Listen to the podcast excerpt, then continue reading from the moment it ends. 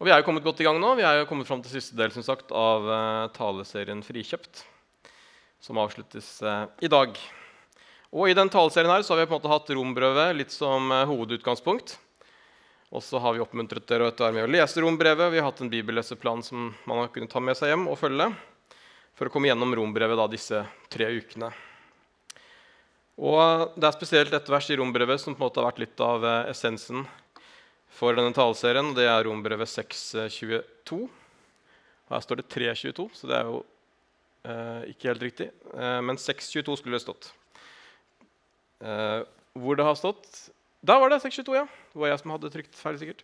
Eh, nå er dere frigjort eh, fra synden og er blitt tjenere for Gud, og frukten av helliggjørelse det fører til evig liv. Og Det er på en måte det vi har hatt fokus på disse tre søndagene. Vi har hørt at vi er frikjøpt fra synd første søndagen. Eh, og så hørte vi forrige søndag at de er frikjøpt for å tjene. Og så er fokuset altså i dag at de er frikjøpt til evig liv. Så vi er altså frikjøpt fra noe, for noe og til noe. Og Det er på en måte de tre perspektivene som Paulus skriver om her, og som på en måte har vært utgangspunkt også for denne taleserien. I uh, Johannes hva skjer med den powerpointen her? Er det ja, Johannes 3, 16. Så står det at eh, for så høyt har Gud elsket verden, at han ga sin sønn den enbårne, for at hver den som tror på ham, ikke skal gå fortapt, men ha evig liv. Det er også noe som kalles Den lille bibel, og som på en måte handler om essensen i, i Bibelen. At eh, det var Gud som ga Jesus for at vi som tror på ham, ikke skal gå fortapt, men ha evig liv. Og Da handler det ikke om at vi skal ha et evig liv her på jorden, men det handler om et evig liv etter dette livet her på jorden. Og Det er en stor og viktig del av Bibelens eh, budskap. Den løfter opp på en måte at det er et liv etter dette livet, og sier at livet på jorden, det er ikke alt.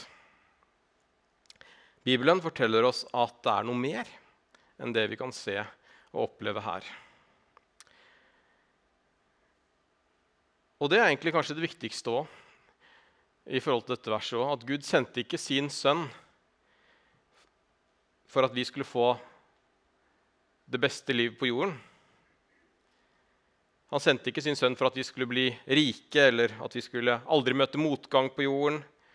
Men han sendte sin sønn for at vi skulle få muligheten til å få våre navn skrevet i livets bok og få på en måte, billetten og adgangen til et evig liv etter døden. Og så er det jo klart og naturlig at vi ofte er opptatt av livet og nuet. Og det er kanskje ikke alltid at vi eh, tenker så mye på eller snakker så mye om det evige livet eller himmelen. Men Bibelen snakker mye om det. Og vi ser også ut fra Paulus' sine brev at han er veldig opptatt av det. De første kristne var opptatt av det. Og kanskje bør vi også ha mer fokus på det og ikke glemme på en måte det å ha et evighetsperspektiv i våre liv og i hverdagen. Og nå må jeg bare se om det her er eh, Nei, dette er eh, Dette er nok den powerpointen som var forrige søndag. Så jeg tror ikke vi skal ta den en gang til, men derfor skjønte jeg at det var et eller annet rart der. Så jeg vet ikke om uh, man kan dobbeltsjekke det. Det er mulig at det er jeg som har lasta opp feil, uh, feil uh, fil i Planning Center, men dobbeltsjekk gjerne at det er den du har åpna. For begge to heter jo frikjøpt, men del 2 og del 3. Så mens de ser på det, så leser jeg litt videre fra Rombrev 622, for det leste vi i stad. Men det fortsetter også i vers. Altså Romeren 622 er nå er dere frigjort fra synden og er blitt tjenere for Gud, og frukten er helliggjørelse. Det fører til evig liv. Men videre i verset 3 så står det syndens lønn er døden, men Guds nådegave er evig liv i Kristus Jesus, vår Herre. Guds nådegave er evig liv i Kristus Jesus, vår Herre. Det er en gave vi har fått gratis, bare av nåde. Det er en nådegave. Og det handler om at vi har fått evig liv i himmelen som en gratis gave. Det er også et fokus som Paulus løfter opp flere steder, og også i 2. Korinterbrev 4 hvor han skriver Derfor mister vi ikke motet. For selv om vårt ytre menneske går til grunne, blir vårt indre menneske fornyet dag for dag. De trengslene vi nå må bære, er lette, og de skaper for oss en evig rikdom og herlighet som veier uendelig mye mer. Vi har ikke det synlige for øyet, men det usynlige. For det synlige tar slutt, og det usynlige er evig. Og Det var et perspektiv som Paulus løfter opp flere steder i sine brev. Vårt ytre menneske går til grunne, men vi har ikke det synlige for øyet, men det usynlige. Og vi blir alle eldre. Det er noe vi ikke kan gjøre noe med. Vårt ytre forgår, men så står det at vårt indre fornyes dag for dag, sier Paulus. Og det synlige tar slutt, men det usynlige er evig. Og det er Guds perspektiv. Og det er også et viktig perspektiv. Som vi trenger å ta med oss i dette livet. Og jeg skal ikke si at det forklarer hvorfor vi opplever vonde ting på jorden, hvorfor noen dessverre dør så altfor tidlig, eller at onde ting skjer. Men det er klart at om du er Gud, og du vet at det som kommer etter livet på jorden, det er så mye mer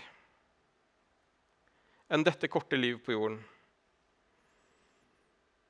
så tenker jeg at det er naturlig at han kanskje har et litt større og annet perspektiv på livet enn hva mange av oss mennesker har, naturlig nok. Vet man at det er noe mer, så gjør det også noe med hvordan vi ser på livet på jorden. Jeg tror ofte det er sånn Vi mennesker vi ser ikke hele bildet, men Gud gjør det. Og Paulus minner oss om å ta med det perspektivet også, for at det gjør noe med oss. Og Det er vårt håp, og noe vi også kan løfte opp på dårlige dager. Og Paulus han gjentar det her i Filippebrevet 3, hvor det står Følg mitt eksempel, søsken, og se opp til dem som lever etter det forbildet dere har i oss. For som jeg ofte har sagt, og nå gjentar med tårer, mange lever som fiender av Kristi kors. Fortapelse er deres mål, og magen deres Gud. Skam gjør de til ære, og de søker bare det jordiske. Men vi har vår borgerrett i himmelen. Og Derfra venter vi Frelseren, Herren Jesus Kristus. Han skal forvandle vårt skrøpelige kropp og gjøre den lik den kroppen han selv har i herligheten, for han har makt til å underlegge seg alt.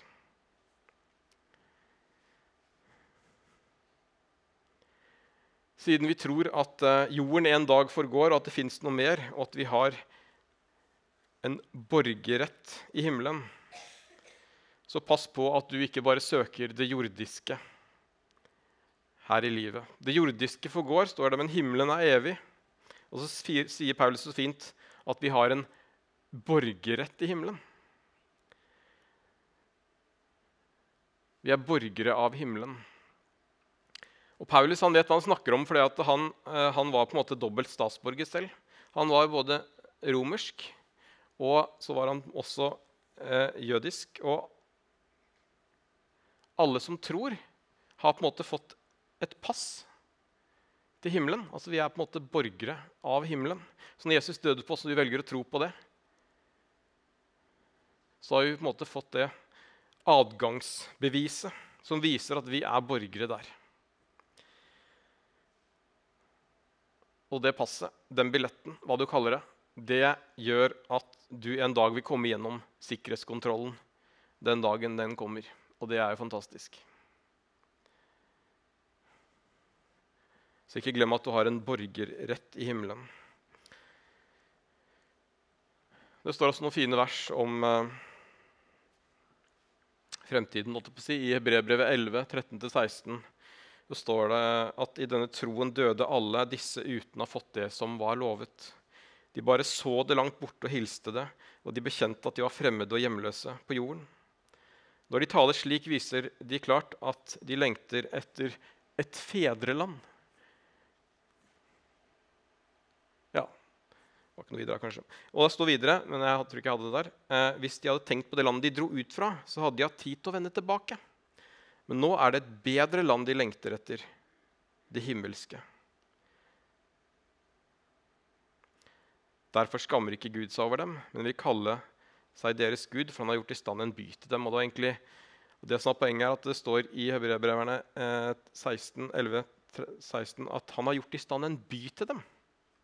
i det himmelske. En by. Og Det er et perspektiv som også løftes eh, flere steder. Så Vi er hjemløse på jorden på mange måter. Vi er borgere i himmelen. Og det himmelske landet på en måte ligger der oppe, og Gud har også gjort i stand en by til oss. Og så er det ingen som vet sånn 100% nøyaktig hvordan himmelen er eller vil være. Men denne byen den beskrives veldig vakkert i Johannes' åpenbaring. Ofte leses i eh, begravelser. Jeg har lyst til å ta med de versene derfra også, for de sier veldig fint om hvordan himmelen beskrives, som vi ser i Johannes' åpenbaring 21, 1-5. Hvor det står Og jeg så en ny himmel og en ny jord.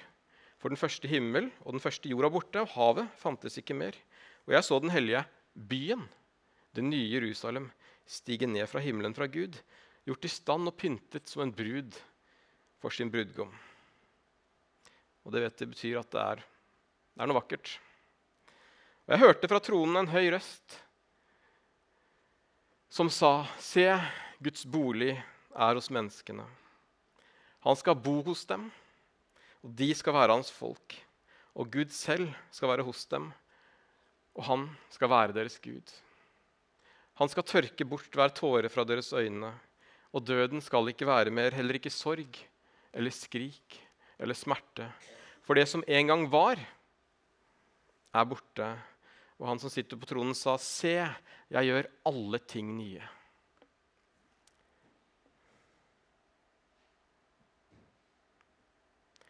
Og her er Bibelen snakker om det. At vi vet at i den hellige byen så skal det ikke være synd lenger. Og dermed heller ikke død, heller ikke sorg, heller ikke smerte. Alt vil bli nytt. Og det er det Bibelen kaller det himmelske håpet. Et håp om noe mer, om noe godt der fremme. Så på de dagene her på jorden da, hvor du kjenner på sorg, savn, smerte, så kan man også kjenne på takknemlighet og et håp for det som en gang skal komme. Det fullkomne som ligger der fremme og venter på oss. Og også et håp om en gang å treffe igjen de som har gått foran. De som vi var glad i, og de som har gått foran de igjen. I Hebreabrevet 6, 19 står ikke der, men det beskrives også veldig fint det håpet. Der står det at dette håpet er et trygt og fast anker for sjelen. Jeg synes Det er et fint vers. Altså, det står at dette håpet, altså det himmelske håpet er et trygt og fast anker for sjelen. Og vi vet jo hva et anker gjør. Det holder båten i ro, så den ikke skal drive av sted. Og så holder det båten i ro også hvis det blåser litt eller stormer litt. Når det stormer i våre liv, eller blåser litt, eller vi kjenner på ting som er utfordrende, så kan håpet om den nye himmelen og den nye jorden det kan være et anker for vår sjel, som hjelper oss til å få fred og ro midt i det vanskelige. Et løfte som vi kan stole på om det som en dag kommer. Inntil da så er vi kalt til å elske Gud og elske vår neste. Og det er viktig å gjøre her på jorden før det evige livet.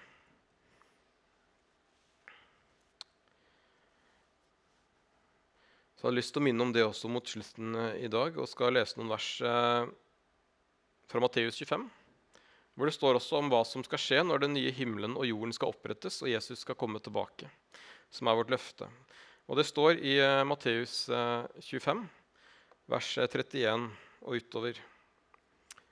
Men når menneskesønnen, som da er Jesus, kommer i sin herlighet og alle englene med ham, da skal han sitte på sin trone i herlighet, og alle folkeslag skal samles foran ham.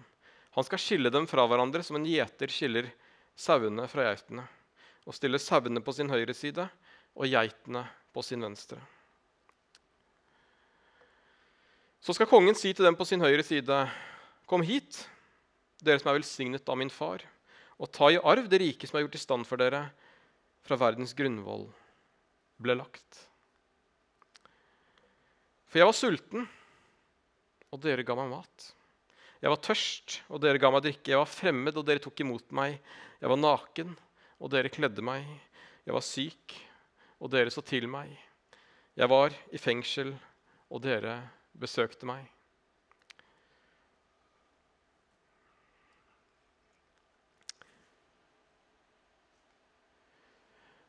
Da skal de rettferdige svare, Herre, når så vi deg sulten og ga deg mat, eller tørst og ga deg drikke?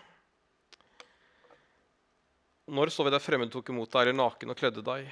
Når så vi deg syk eller i fengsel og kom til deg? Og kongen skal svare dem, sannelig, jeg sier dere, det dere gjorde mot en av disse mine minste søsken, har dere gjort mot meg.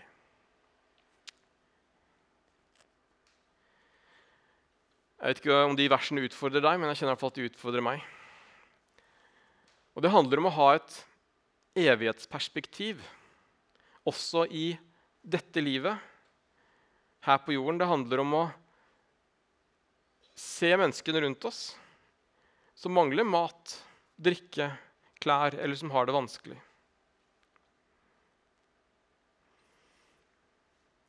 Fordi Jesus sier at det dere gjorde mot en av disse mine minste søsken, har dere gjort mot meg. Og det handler om hva vi gjør i dette livet. Så vi har et løfte om et himmelsk håp der framme. Men det betyr ikke at vi bare skal hvile i det og ikke tenke så mye på hva vi gjør i dette livet. Men Jesus utfordrer oss på det og sier at ja, Han sa at det viktigste var å elske Gud og elske sin neste som seg selv. Og så sier han her også at på dommens dag også så er det viktig hvordan vi behandlet menneskene rundt oss, for det var sånn vi behandlet Jesus.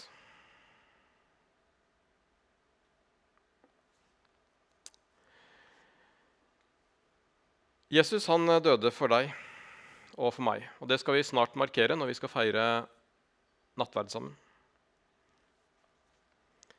Det er det vi løfter opp i nattverden. Vi minner oss på at han har frikjøpt oss fra synd for å tjene han og bli lik han her på jorden. Og vi har frikjøpt oss til et evig liv, som vi også minner hverandre på i nattverden. Og Samtidig så utfordrer han oss også på å ha dette evighetsperspektivet med inn i hverdagen og la det utfordre oss til å se de rundt oss. Liv på jorden det varer ikke evig for noen av oss. Sånn er livets gang. Det har vi alle til felles. Og så kan vi velge om vi skal eh, samle skatter på jorden som en dag ikke vil bety noe. Men det som kan bety noe, er hvordan vi møter hjertene rundt oss. Hvordan vi er med og løfter opp de som trenger det, og ser de som trenger det. Og Der trenger vi alle hjelp til det for å klare det. Og Da trenger vi også Jesu hjerte og Jesus sinnelag. Og Som vi hørte forrige søndag, så handler det om å studere Guds ord og se hvordan Jesus levde. Bli kjent med Han. La Den hellige ånd forfylle oss og hjelpe oss til å bli lik Han. Bli lik Han som har gitt oss alt, og som er villig til å gi sitt liv også for oss. Og det begynner ikke med at vi skal begynne å gå i egen kraft, men det begynner med å komme til Han som har alt for oss, både i dette livet og i det kommende. Han har gjort alt for oss. Han er med oss og skal en dag gjøre alt klart for oss igjen i himmelen. Nå kan eh, de som skal synge, gjøre seg klare. Jeg har lyst til å utfordre dere litt også på slutten av denne taleserien Frikjøpt. Til å være med denne høsten til å løfte blikket og ha et evighetsperspektiv på livet og på menneskene rundt oss.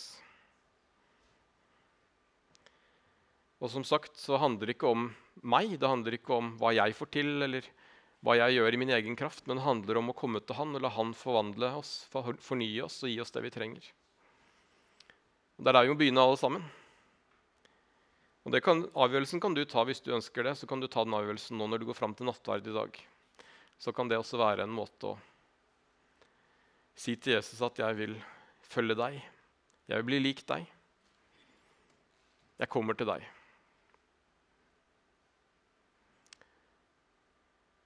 Og nå skal vi få lov til å høre og lytte til 'Kom til Jesus' før vi skal feire nattverd sammen.